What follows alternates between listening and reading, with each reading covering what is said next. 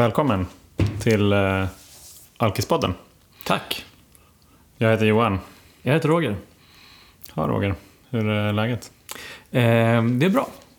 Det är ju en speciell dag idag. Oj. För mig. Berätta. Mm, jag fyller ju år i mitt nya liv. Just det. Eh, eller jag tar tid, som det heter på 12-stegsprogramsspråk. Mm. Eh, idag har jag varit nykter i 11 år. Woho! Ja. Det är ju helt sjukt. uh, grymt. Vilken... Uh, 11 Ja. år, det är, det är ju... Det är ju liksom- jättemycket. Men förra veckan så var jag... Eh, då var jag i Västerås faktiskt och firade en, eh, en man som har varit nykter i 30 år. Alltså det är nästan sådär... Uh, Ja, det, det, det känns ju helt ofattbart lång tid. ja. Och jag kommer ihåg det var någon som berättade också på något amerikanskt möte. Liksom, det var någon som var så... så som frågade så här, hur, hur får man lång tid i nykterhet? En lång nyktertid? Mm. Det var så här, två, det var man, två grejer man ville göra. Don't drink and don't die. Det är underbart. Älskar den här torra alkishumorn. Ja, precis. Eh, nej, 11 år. Ja. Och eh, ja, det, är, det är speciellt.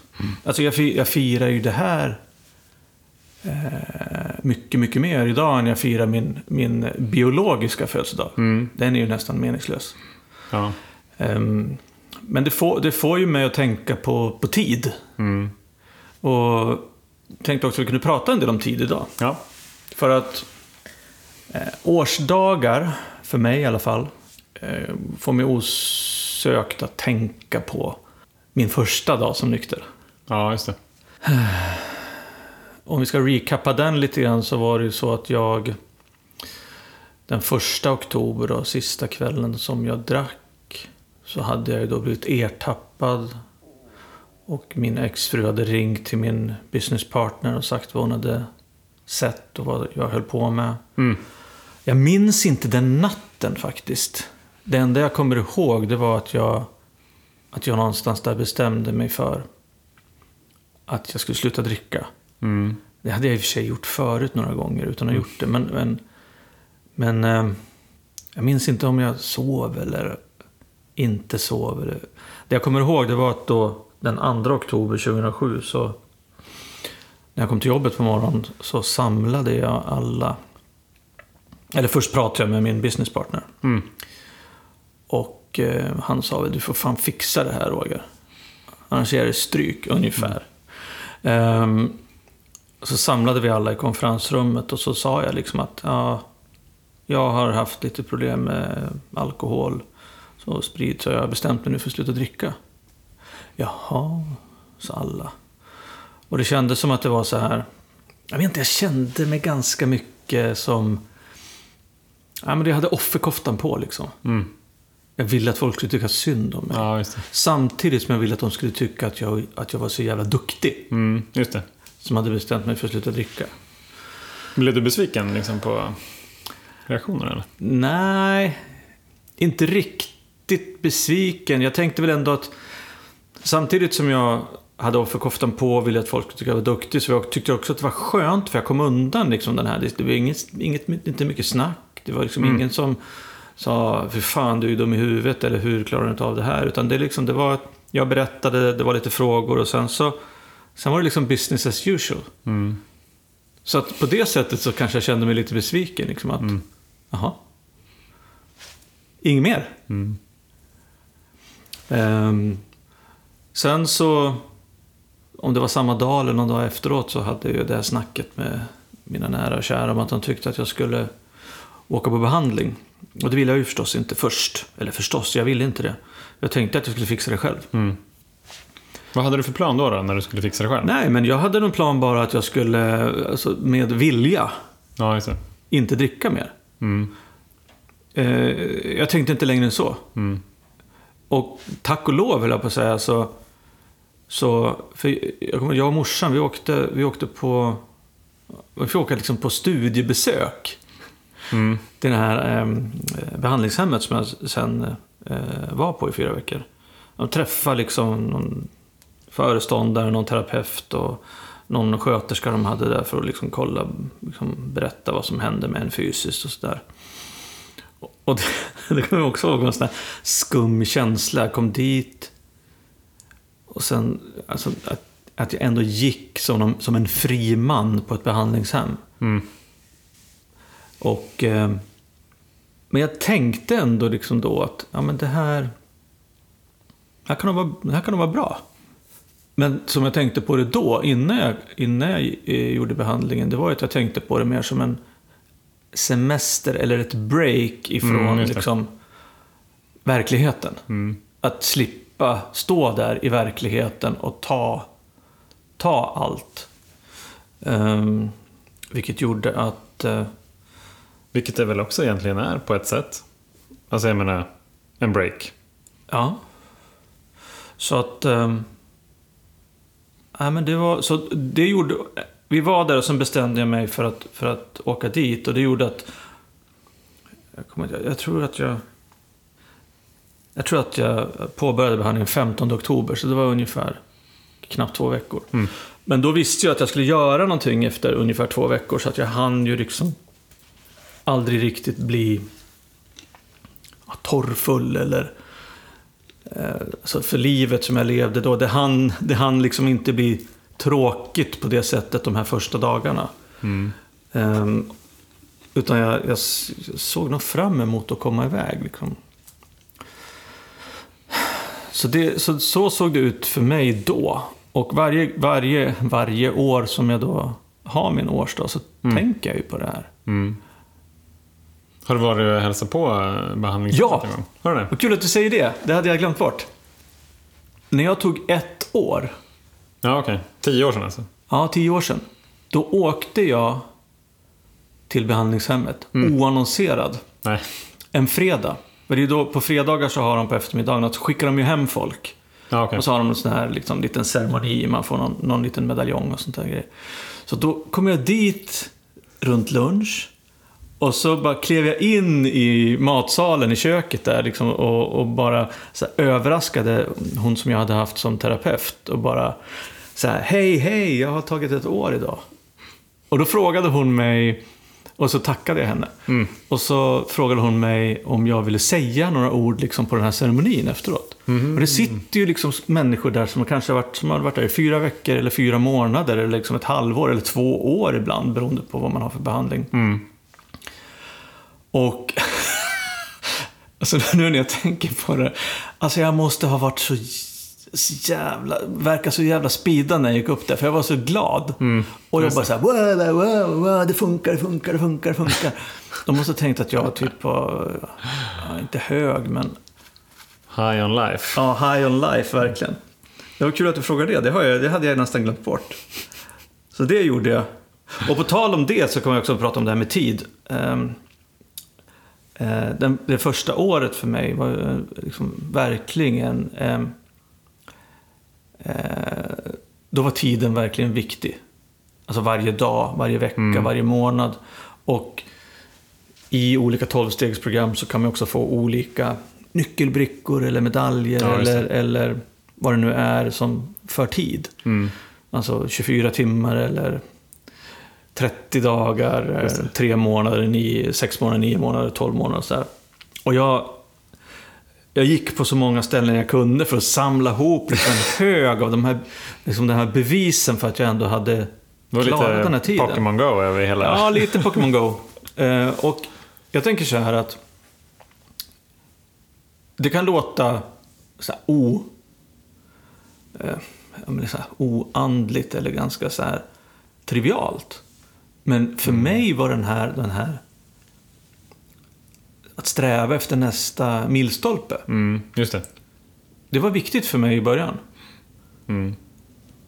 Hela första året så var det så här nästa, nästa milstolpe. Jag tycker det där är väldigt snillrikt ihopsatt Mm. egentligen. Alltså det, det är ju någon form av gamification av, av nykter tid i alla fall.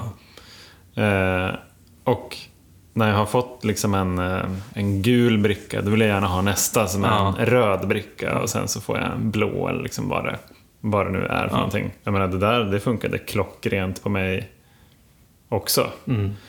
Det var, det var inte det enda skälet till att jag höll mig nykter, men det hjälpte mig väldigt mycket. Mm. Det, det, det gjorde i alla fall att jag, jag kunde tänka efter. Liksom, eh, ja, okej, men konsekvenserna om jag skulle dricka nu till exempel. Då får jag gå tillbaka till de här mötena och så får jag liksom ta en sån här nybörjar, så här 24 timmars Ja. utbricka och så får jag, ja, så får jag liksom erkänna för mig själv och andra att jag, att jag mm, tog ett återfall. Ja. Det vill jag inte, helst inte göra. Nej. Om jag inte behöver såklart. Jag hade en ganska... Jag vet inte vart ifrån den idén kom, men för min ettårsdag så tänkte jag också att jag skulle fira det. Mm. Och då, då bjöd jag in... Jo, så här var det. Jag bjöd in alla de personer som hade hjälpt mig på något sätt under det första året. Mm. Alla de var inbjudna till, till en kväll. Mm. Eller middag och liksom, det var på en onsdag tror jag. Eh, och så, så det var liksom för att, för att, fira, för att fira nykterhet, Mm. helt enkelt. Och det var väldigt fint att få, få ge uppskattning, bjuda tillbaka. Och det kunde ha varit att någon, någon fanns där när jag behövde prata med någon Ja. i något eh, kritiskt skede. Eh, och det kunde vara så här ett telefonsamtal under hela året men som var väldigt, väldigt viktigt för mig men som den här personen kanske inte Mm. tänkte på att det skulle vara så avgörande. Eller eh, något möte på en, på en festival som jag var nere i Danmark. Så där, eh, träffade en, eh, en, en kompis, Rickard, och fick, och fick via, via det mötet som jag hade med honom det vände liksom en lite negativ trend som jag hade. Jag tyckte det var jobbigt att vara på min första festival nykter. Jag kände mig utanför och sådär. Men så träffade jag honom helt plötsligt och så kände jag mig helt plötsligt inkluderad igen. Mm. Och det var verkligen, det var liksom en, jag kommer ihåg det fortfarande, liksom en av de viktigaste stunderna i min, mina första det var ju mina första nio månader, så det hade gått, det hade gått lite tid i alla fall. Ja. Men i nykterhet, det var en stor grej liksom. Att så här, klara av att vara på en festival en vecka nykter som en av de få liksom, som, är, som är nykter. Och han hjälpte mig väldigt mycket där. Ja. Så att, att få ge den, ge den kärleken tillbaka. Och sen var det väldigt kul såklart att få samla alla. Ja. Som ju, många av dem kände ju kanske någon eller några där, men det fanns ju inte någon som hade träffat alla. Vad skönt att stå i centrum igen. Ja, äntligen. eh, nej, men det, det, var, det var en väldigt fin... Det var en fin kväll. Det, var, det, var, det kändes kul att fira att jag hade levt ett år istället för att bara ha råkat överleva. Nu har jag överlevt 38 år. Ja. Ja, fan vad häftigt. Jag, jag tänker också på på lite grann det där som vi... Eh, förra veckan hade vi ju en, en, en, eh, en gäst. Vår motvillige vän. Han som inte vill bli vän med alkisar. Men, men det, som är, det, som är, det som är kul med det här, det, det tycker jag, jag tycker det är jätte, eh, jättefint. Jag har ju hört det där förut, men jag tycker det är så, det är så häftigt. Och, och jag tänker på också den här, den här mannen som jag var på möte förra veckan och firade 30 års nykterhet. Ja. På, på det mötet så var det alltså tre stycken människor av 20 som, eh, som alltså var på plats på mötena i de här gemenskaperna när jag började gå på möten. Ja, okej. Och de här tre människorna, eh, de har en så speciell plats liksom, i mitt hjärta. Mm. Och jag tror att, att för många att det är att man binder väldigt starka band just till människor som man, som man träffar tidigt i nykterheten. Ja. Framförallt kanske sådana som, som till och med tar hand om en när man börjar gå på möten och de kanske visar vägen och de har, de har mer, längre tid de har varit där. Och, det, och då, de blir liksom jätteviktiga människor i ens liv. Och likadant idag faktiskt så fick jag, fick jag en... Eller jag såg att det var en, en också en snubbe som hade börjat följa Alkispodden på Instagram. Mm. Och jag bara, hallå! Dig har ju inte jag kontakt med längre, men också att vi... Han var också en av dem som, som jag träffade liksom tidigt i, Ja, ja. i nykterheten. Och eh, så, så började jag chatta med honom. Mm. Och, och vi har inte pratat på inte, fem, sex år kanske. Mm. Men det var direkt så här, jag tyckte det var så jävla fint och jag, och jag, jag tyckte det var så kul att vi, han tyckte att det var kul att vi hade fått kontakt och jag bara, jag med. Och så skrev jag så här, för du har alltid varit en sån positiv energi i min nykterhet. Mm. Och, och jag tror att det där är viktigt, just det där att det... Det är klart att det... I alla de här sammanhangen, i alla grupper, i alla, alla människor man möter när man är nykter så finns det ju för, förstås... Alltså, jag vill inte säga bra och dåliga, men människor som man får starkare relationer till och människor som man kanske till och med irriterar sig på. Mm. Så att jag tror också att det är väldigt viktigt att, att, att odla de här relationerna som är, är positiva.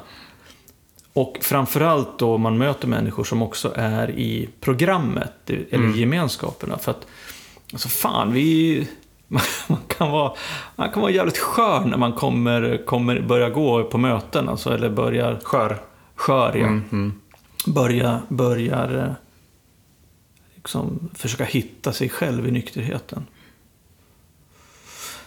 Sen finns det ju en annan, det finns ju, på tal om, på tal om torra alkisskämt, Vad har du på lut nu då? ska vi då byta samtalsämne lite grann. Men det är ju den här liksom, jaha, jag har varit nykter i 11 år. Hur länge har du varit nykter Johan? En dag Ja, i taget. sen i morse. Sen i morse. Och det är också det, så det finns ju... Den här tiden är ju egentligen bara då en dag i taget som man bygger på efter en dag i taget. För att man kan... Man kan ju inte vara nykter någon annan gång än idag. Nej. Jag Men var är- nykter igår. Ja, precis. Imorgon vet jag ingenting om. Men idag så kan jag vara nykter. Mm. Kan inte du... Vad, vad, vad har du för tankar kring det här en dag i taget? Ja, men jag tror att, eh, för att återkoppla till, till tid också, i början av, i början av nykterheten så, så tror jag att beslutet kan ju kännas så jävla stort. Va, ska jag vara nykter resten av mitt liv? Och då kan jag börja, och jag, eller kan börja, jag började tänka på en massa konsekvenser av det eh, direkt. Vi har ju pratat lite om I det här, liksom. framtiden? Ja, i framtiden. All, liksom, det här tråkiga, gråa liksom, livet Ja. som, aldrig innehåll, som aldrig skulle innehålla några höjdpunkter igen. Ja. Som så här, okej, jag, får inte, jag får inte dricka på, jag får inte dricka champagne på nyårsafton och jag kommer inte få göra det här. Och, ja, tänk, tänk om jag får barn, ska jag inte få, liksom, ska jag inte få skåla i champagne då? Då är, liksom, då är livet över ungefär. Ja, mm. ja, eh, ja. Det, det är ju en, det är en märklig tanke. Kan jag inte bara vara glad för att jag har fått barn? Ja. Ja, till exempel. Ja. Nej, precis. Ehm, Men så att, så att en av de första grejerna jag fick lära mig det var ju så här, men du behöver inte ta ett beslut för hela livet. Men du kan ta ett beslut om att vara nykter idag. Mm. Och vilka konsekvenser det där beslutet får, det behöver du faktiskt inte bry dig om. Nej. För att det är ingenting som, alltså du rår inte på det ändå. Har du eh, någon gång i din nykterhet, eh, för jag tänker också på den så här en dag i taget, eller just bara för idag. Har du någon gång eh, haft, känt att du är tvungen att göra någonting för att kunna säkerställa din nykterhet just under den dagen som du var i? Ja, det, det har jag gjort. Vad, vad, hur har du gjort då? då? Alltså jag, eh, jag kommer ihåg, jag var, var väl ett halvår in i nykterheten så var jag och, eh, jag och Linus faktiskt var i Japan. Vi var i Yokohama. Det här har jag inte tänkt på jättelänge. Vi var i Yokohama i alla fall och skulle hålla en utbildning eh, där. Utbildade ett gäng i affärsarkitektur som inte har alls någonting med alkoholism att göra. Nej. Nej, men det var i alla fall det vi gjorde. Och jag körde sista dagen själv. eh, För att Linus var tvungen att åka hem och så hade jag en dag själv där. Och så tyckte jag att den sista dagen där, det gick inte som jag hade förväntat. Nej, eller okej. hoppats. Ja. Så då, eh, jag var liksom lite nedstämd över det där. Jag kände Ja. mig dålig och ja, var helt enkelt inte nöjd bara. Och så kom jag på mig själv att liksom, jag gick hem till hotellet och tänkte jag så här, ingen kommer att få reda på om jag länsar minibaren här. Det är liksom ingen som, ja det har jag, det har jag förtjänat nu när det har gått så jävla dåligt. Då har jag förtjänat att liksom och dricka mig själv redlös. Eh, och kom som tur var på att att det behöver jag inte göra. Nej, men jag, jag, hade faktiskt då ett, eh, ett terapisamtal med min terapeut. Ja. Eh, inbokat liksom den eh, samma, samma eftermiddag. Så att, och det, det var ganska sent på kvällen för det var väl någon tidsskillnadsgrej Mm. sådär. Så att det var liksom en sån som räddade och räddade. Jag vet inte vad jag hade gjort om det inte hade varit inbokat. Men, men det gjorde i alla fall att jag inte drack. Nej, men att det för var att du jag- blev lite tryggare, lite lugnare. Ja, men så här, jag visste att snart kommer jag få prata med någon Ja. om hur det känns. Ja. Så att jag behöver inte försöka hantera det som känns ohanterligt genom att dricka. Nej. Så att det, det jag lärde mig av det där var, och det, jag menar, det kändes ju mycket, mycket bättre efter jag hade pratat med honom. Och det behöver ju inte vara en terapeut jag pratar med, utan det kan ju vara vem som helst som Ja. också är nykter. Så att, vi har pratat om det tidigare, men att, att ringa ut och liksom dela, om, dela om hur det känns. Så att jag själv inte behöver känna att det är... Det kan kännas nästan som att man exploderar liksom, inombords. För så här, jag får nästan panik. Jag vet inte hur jag ska hantera det. Jag måste få liksom någon, Ja. någon lösning nu. Och då är jag ju inte så... Då agerar jag liksom väldigt i överlevnadsmode. Jag tror ju någonstans att jag nästan håller på där. Mm. Så att då blir, då blir min respons att okej, då kanske jag dricker. Men det, är väldigt, det blir väldigt ogenomtänkt kan man säga. Ja. Och det är spännande det där, för jag, jag, hade, jag hade också en episod efter ungefär ett halvår. Fast då, då ville jag dricka av precis motsatta anledningar. Vill det det hade gått jävligt bra. Ja. Eh, men vi, hade, vi hade jobbat stenhårt flera veckor för att vi skulle presentera en pitch för en kund. Sen hade vi den här pitchen på fredag morgon. Mm.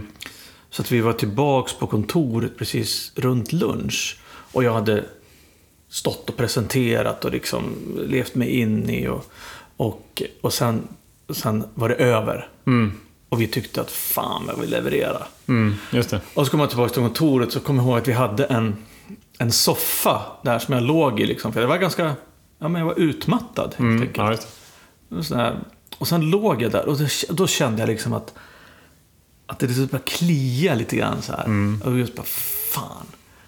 Nu, nu känner jag liksom att, nu känner jag sug. Ja, just det. Eh, att det skulle, för det, det för jag tror också att det var förknippat med så många grejer. Mm. Jobbat som fan, levererat en pitch. Det var fredag runt Ja, lunch. det. liksom, Ja, ja, ja. man låg i soffan. Folk var ju så avslappnade. Det, Mm. fanns liksom ingenting kvar att göra på arbetsveckan direkt. Det fanns många triggers liksom på en Mm. Ja, gång. Men då kommer jag ihåg att jag satte mig upp så här. Liksom, jag bara, och för det var ju folk kvar på kontoret. Mm. Jag bara, hallå! Ja, Fan, det är skitläskigt nu, det känns som jag vill dricka. Sa du Liksom, det? ja. Jag- Och jag bara, jag har inte varit med om den här känslan förut. Och liksom bara, kom hit. Och så bara, då satt vi bara, då satt jag bara och pratade. Ja. Eh, med dem, de var ju mina, ja, vi var ju nära kompisar också liksom. Så att det var så här. Och de bara, oj, hur känns det? Liksom, men. Och det, det var också just det där, men det du säger, man behöver inte prata med en terapeut. Men det jag gjorde sen på, på direkt efter jobbet då, på kvällen, det var ju att gå på ett möte. Ja, just det. Och det är ju en sån här... eh, För mig har det varit en klassisk, skulle man kunna säga, liksom, säkerhetsventil. Mm. Eller ett, eh, ja, men ett säkert eh, fredat utrymme. Mm. Om man säger så. Just det. Komma in på ett möte, sätta sig, liksom, få, få energi och eller ja, men, lugn ifrån de andra människorna som är där. Och kunna också, för det är lite, kan ju vara en liten kort flykt från verkligheten. Mm. Att man går in i, liksom, man, är, man går in i ett fredat eh, tillstånd. Ja, just det. För där inne kommer jag ju inte att dricka. Det är, Nej, ganska säkert. Och sen så bara få liksom energin och, och andligheten och människorna liksom att strömma genom kroppen så att, man, så att jag får liksom ett lugn. Mm. Därför, därför finns det ju... Det är ju bevisligen bra medicin mot att vilja dricka. Mm. Många nykomlingar får ju också rådet att liksom då så här, typ 90 möten, 90 dagar, 90 möten i Ja, början. så. Gå på möten varje dag liksom. Dels för att få in det, men också för att det, det, det är liksom en säkerhetsgrej. Mm. Förstås att prata med någon. Ringa till en, en, en vän eller en sponsor. Mm. Och eh, befinna sig... Ja, men vara tillsammans med nyktra människor. Mm. Jag tycker ju nu att det är ganska spännande att, eh, att vara nyfiken på känslorna. Mm. Det är så här, oj, nu känner jag det här. Jaha, vad intressant. Det, så kan jag mer, jag fixar det inte varje gång, men, men, men ibland så får jag till att jag liksom iakttar mig själv. Och så kan jag, så här, ha, okej, vad, vad, har jag gjort något speciellt idag? Eller är det någonting som har hänt som har som har, som, har, som har triggat det här? Vad i mina, vad i mina tankar är det som, som gör att, att de här känslorna dyker upp? Jag menar, jag hade ju en, en mod- det var ju liksom en av mina värsta dippar liksom efter ett par år.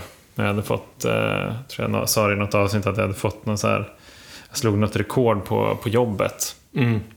Och fick reda på det liksom ganska men, eh, så här, tisdag eller någon, någonting. Eh, kom ganska mycket från sidan. Och kände att jag blev liksom rånad på upplevelsen att, att få fira. och hade verkligen liksom inget, inget skydd alls. Eh, liksom mot framgångar. Jag hade liksom lärt mig då av den här incidenten, episoden i Yokohama. Låt oss kalla det Yokohama-incidenten. att så här, oj jävlar, ja just det, ja, men jag måste nog, eh, jag måste nog eh, skapa liksom några, några verktyg här för när det, om, om det inte känns bra. Ja, Okej, men då vet jag att jag ska göra det här. Men jag hade inte tänkt på hur jag ska göra om det om, om jag känner att någonting har gått svinbra, liksom, att jag har nått någon framgång. Jag hade liksom bara ett litet skydd själv mot motgångar. Men en, en grej som jag tänker på med, med tid, som så som jag tänkte när jag var aktiv. Det var ganska mycket så här, när jag inte mådde bra. Att så här, ja men om fem år, Ja. då kommer allting att vara bra. Mm. Då kommer det vara annorlunda. Och det var så här, ja, men för det var tillräckligt lång tid för att det skulle kunna hinna hända mycket saker. Mm. Eh, Men kände du också att det var värt att må dåligt för att nå ett mål som du kanske trodde på eller inte trodde på? eh, nej, jag, jag tror inte jag reflekterade över det. Utan Nej. det var mer så här, okej jag mår dåligt nu. Men om fem år kommer jag må bra. Ja, okej. Och då var det så här, ja då kändes det liksom lite bättre. Men jag hade ju ingen, det, det fanns ju ingen plan i den. Utan för, för mig, det var liksom bara en magisk tanke som jag hade. Att det har hunnit hända en massa saker med mig Ja. under de här fem åren. Som gör att jag kommer liksom plopp, poppa upp på andra sidan. Ja. Och så, och så mår jag inte så här. Men eftersom jag inte visste hur, jag visste inte hur jag skulle ta mig ut härifrån här och nu. Hur, hur, hur, kan, jag må, hur kan jag må lite bättre imorgon? Det, det var liksom ett alldeles för stort steg för mig. Så att då var det lättare för mig att tänka att om fem år ja. kommer jag må jättebra. Men det där kopplar ihop lite grann till, till det vi pratade om, eh, det vi pratade om eh, varför tolvstegsprogrammet funkar. Säga att det är ett handlingsprogram och inte Ja. ett tänkarprogram. Nej, precis. För tänka, det var vi jävligt bra på. Eller fantisera eller tro på att saker och ting skulle förändra sig. Ja, precis. Eh, nu så har vi väl kanske lärt oss över tid att saker och ting förändrar sig inte förrän vi gör någonting åt dem. Eller att vi förändrar oss precis. själva. Men det, det där är jättespännande för jag tänker också för att jag jag var ju också expert på att tänka och, och, och försökte alltid tänka mig till att oavsett vad det gällde, det kunde liksom vara vad som helst i livet, så, så jag somnade gärna in till massa planer eller dagdrömmar, beroende på hur man ser det, eller tankar om vad jag skulle göra imorgon. Eller nästa vecka. Ja, det var ändå ganska nära då. Ja, det, men det var, det var för att jag... Ja, men jag alltså, mycket grejer som jag kanske var rädd för eller missnöjd med eller var arg på liksom att, att jag ville förändra. Då tänkte jag så att jag, jag vet vad jag vill förändra. Jag vet vad jag borde göra för att förändra det. Och så låg jag och tänkte på det. Ja, just det. Jag borde göra det här, jag borde göra det här. För då skulle det bli bättre imorgon. Men sen när jag vaknade upp, eller den här nästa dagen där jag hade, inte vet jag, tänkt att jag skulle gå och yoga eller vad det nu är. Nej. Det gjorde inget. Men det fanns alltid någonting där i framtiden som var jävligt viktigt eller stort eller bra. Eh, I framtiden fanns ju drömmarna. Ja, lite grann, tycker jag. Ehm, oron som jag hade, Mm. ångesten, den försökte jag ju tryck, antingen trycka ner eller dricka på så att jag slapp känna den. Mm. Var, eller så satt, låg jag och tänkte på hur jag skulle göra imorgon eller nästa vecka för att förändra mitt eh, mående. Mm, just det. Ah, fy fan. Och sen kommer jag också ihåg, att- som vi pratar om framtid, kan vi också prata om ja, dåtid eller historia. Jag minns att jag... Ja, men jag, jag eh, bildade ju familj ganska tidigt. Mm. Jag var ju 25 när vi fick vårt första barn och då hade vi varit tillsammans i fyra år. Så jag kommer ihåg också att jag då efter fem och tio år, alltså jag romantiserade väldigt mycket över tiden före 21 när vi träffades. Gymnasiet och kompisarna och det här. Alltså hur det var då. Så på något vis så levde jag... Jag var den jag var för att jag ville vara den jag var typ på gymnasiet. Mm. Och sen så tänkte jag att jag skulle bli någon annan i framtiden. Men jag, jag, liksom, jag var väldigt dålig på att göra saker åt det. Ja, det är ju väldigt spännande. Alltså jag, Ja. jag tror att jag kan nog, eh, när jag, när jag inte är här och nu, vilket jag inte var så mycket då i alla fall, Nej. så var jag nog mer i framtiden än vad jag var i dåtiden. Mm. Jag tror inte att jag...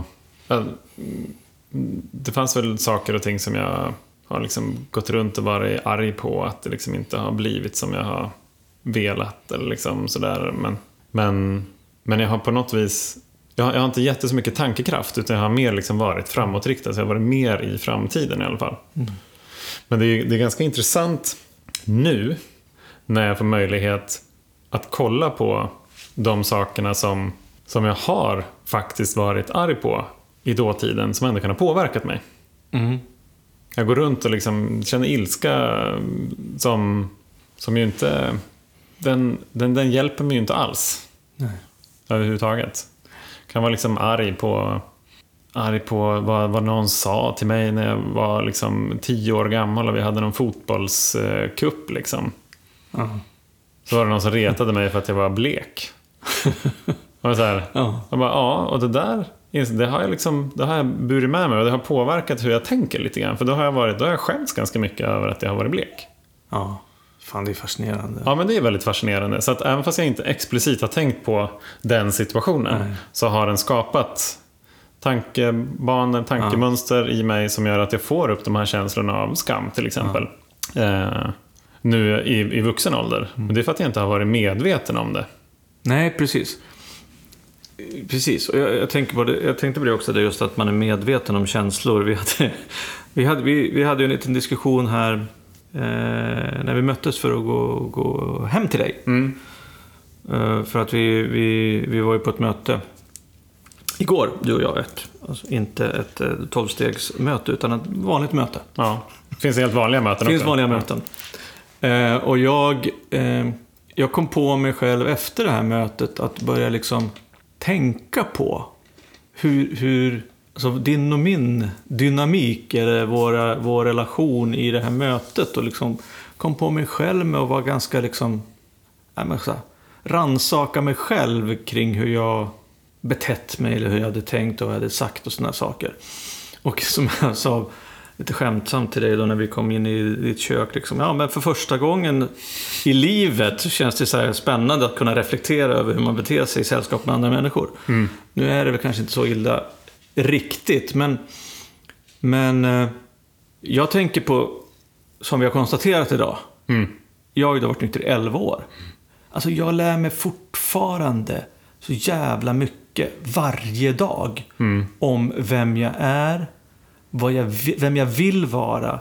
Att jag kan vara medveten, precis som du pratar om, om mina känslor, mina beteenden på ett sätt som jag inte ens var för två, eller tre eller fyra år sedan. När jag ändå hade varit nykter en lång tid. Hur känns det då? Är inte det också, kan inte det vara lite jobbigt då? Eller? Vilket? Nej, men liksom att vara i någon form av ständig utvecklingsprocess. Eller? Ja, nej, jag tycker inte det. Nej. Jag tycker det är eh, fantastiskt. Ehm, och jag vet ju för att jag... Alltså, många grejer i, i, i, i nykterheten har tagit ganska lång tid för mig att, ja, men att eh, ställa till rätta. Mm. Kan jag säga. Och, eh, och jag har på grund av detta har jag också stått still i utvecklingen under, under stora, långa perioder. Mm. Eller långa, långa, ja men något år här och något år där. Det låter ju så här sjukt om man sitter och, tänker, och pratar om det.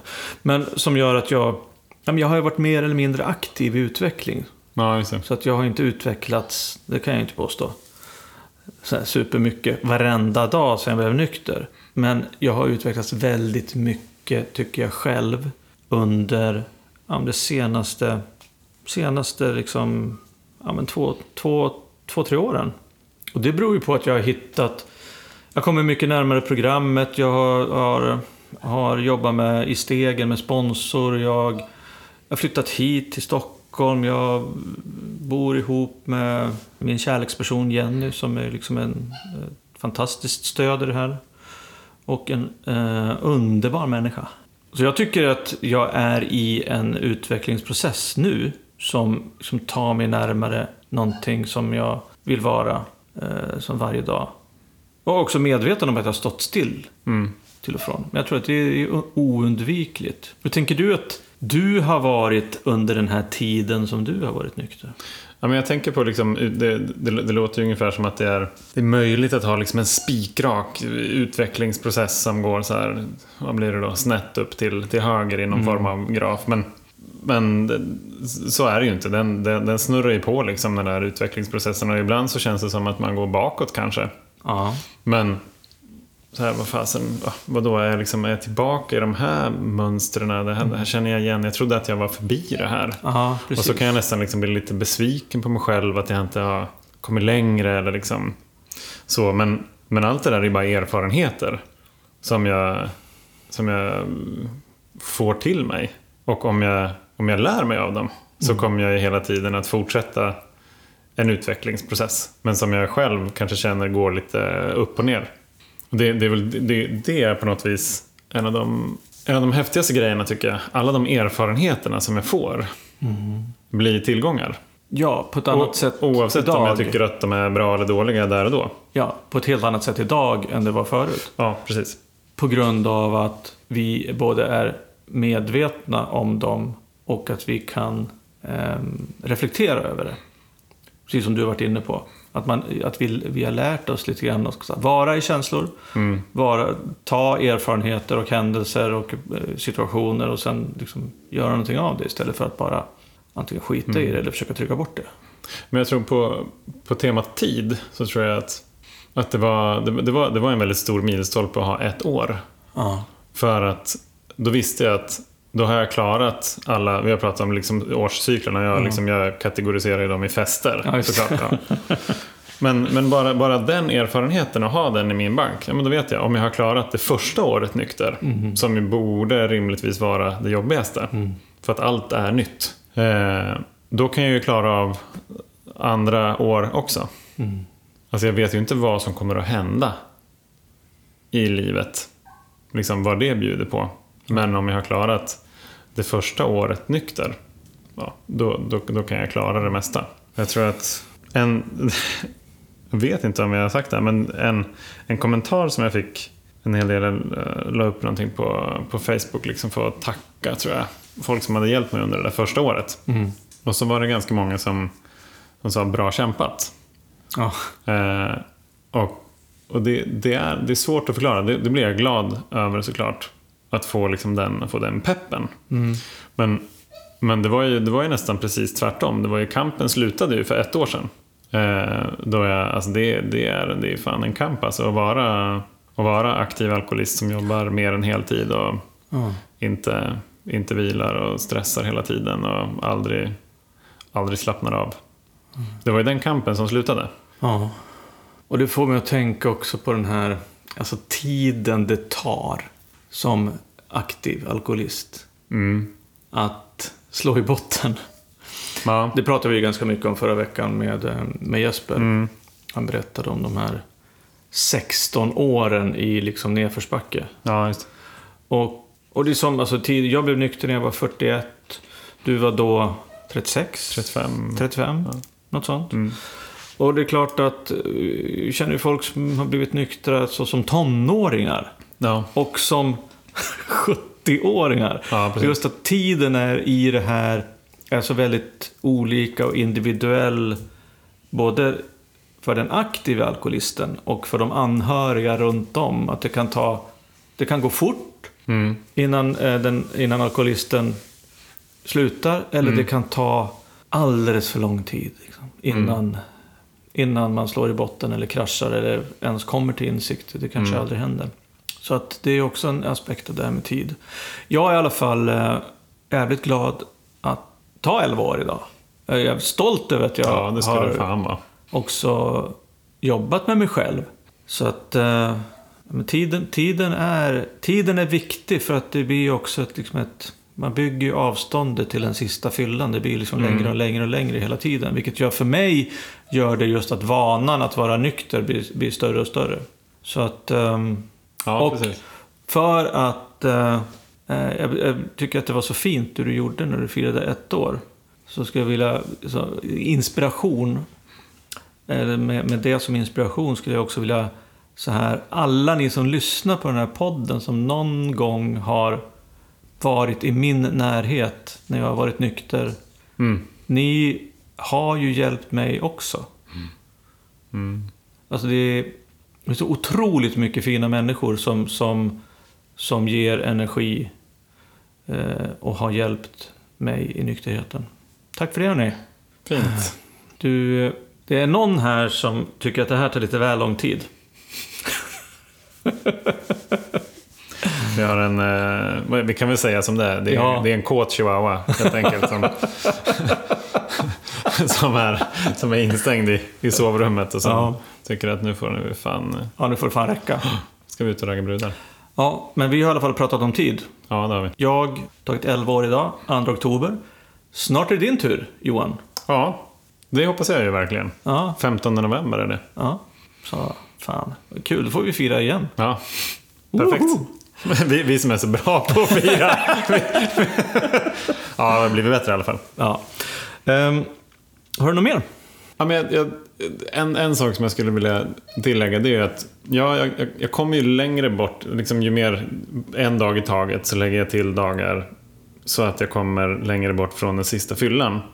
Och jag vet att jag klarar av att leva nykter. Men det är också viktigt för mig att bli påmind om hur det var då.